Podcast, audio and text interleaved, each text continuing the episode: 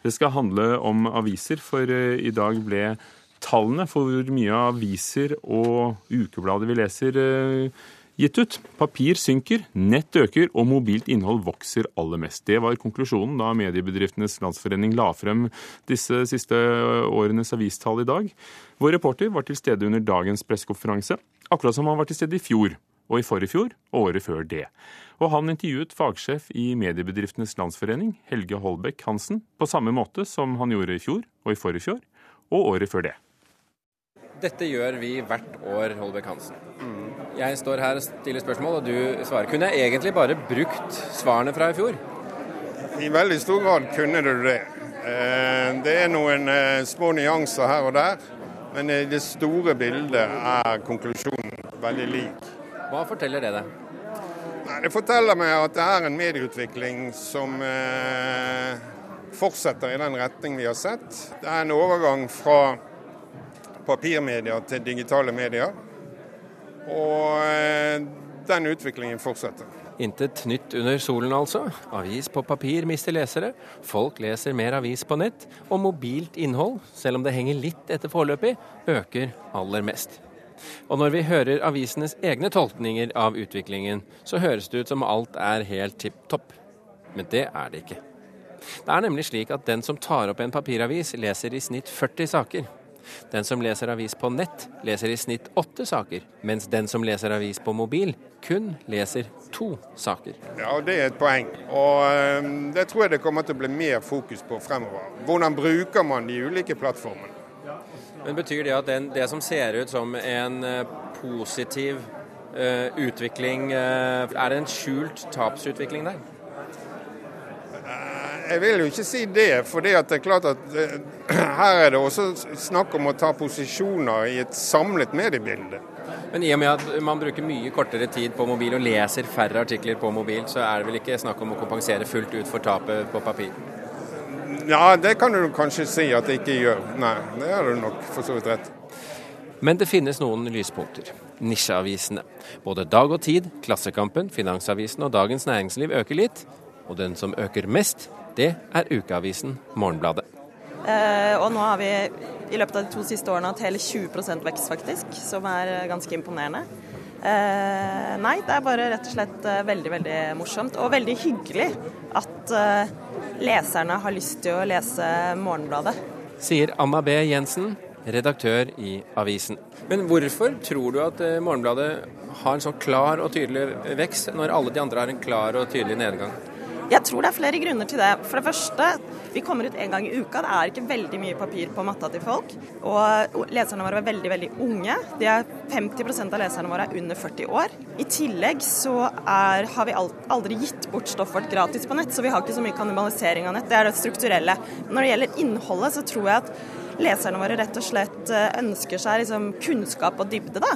Altså at De vil ha en avis som på en måte ikke manipulerer dem, og som de ikke føler er overfladisk. Men samtidig så tror jeg at det som er på en måte lille X-faktoren for Morgenbladet, det er at det er litt eksperimentelt og underfundig også. Prøver å være eh, litt sånn formeksperimentelle i journalistikken. Og det er ikke den samme type journalistikken som du får alle andre steder, og du vet ikke alltid hva du får, da. Sa Anna B. Jensen, som er redaktør i Morgenbladet, til reporter Birger Kolsrud Jåsund da Mediebedriftenes Landsforening la frem sine årstall i år. Morgenbladet øker altså med 20% til over 28 eksemplarer. De store avisene derimot, VG, synker med 23 000 eksemplarer. Dagbladet 10 000, Aftenposten 10 000 og Tore Slåtta, professor i medievitenskap ved Universitetet i Oslo. Betyr dette at avisen på papir dør, eller gjenfødes? Vel, det betyr vel Ingen av delene. Og det betyr at vi er inne i en prosess som ligner alle de vi har vært igjennom før i mediesamfunnet. Nemlig at en ny teknologi kommer til. Den tar ikke bort de gamle, men den legger seg ved siden av.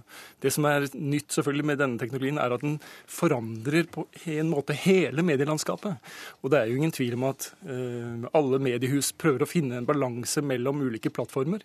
Men avisen som papiravis tror jeg ikke forsvinner som følge av at nettet er kommet og kommer, i hvert fall ikke i uoverskuelig framtid, som det heter. Men hvordan forklarer du at uh, Morgenbladet og også ukeavisen Dag og Tid uh, får flere abonnenter og flere som leser, kjøper avisen? Samme gjelder Dagens Næringsliv, som jo kommer seks dager i uken, mens, mens, andre mister abonnenter. Jo, det skyldes jo at leserne responderer på teknologien ved å vise at de er brukbare på forskjellige måter. Avisen har fortsatt et fortrinn, spesielt med å være da et kommentarmedium som tar opp flere stemmer, og som kan bli liggende i huset eller hjemmet i lengre tid. Man kan spare på dem på en annen måte enn man gjør på nettet. Og så jeg tror tilgjengeligheten til avisen, til papiret, ikke skal um, forkastes ennå. Og nettet har jo en fordel i å være raskt oppdaterbart, å være på hugget i nyhetsbildet. Og ligger sånn sett også mye nærmere det visuelle.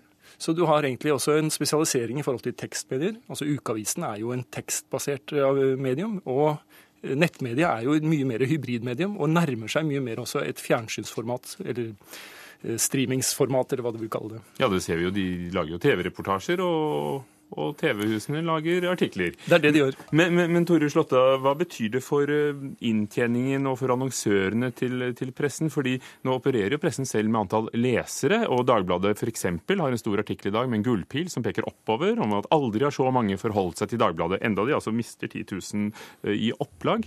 Men det kommer så og så mange lesere.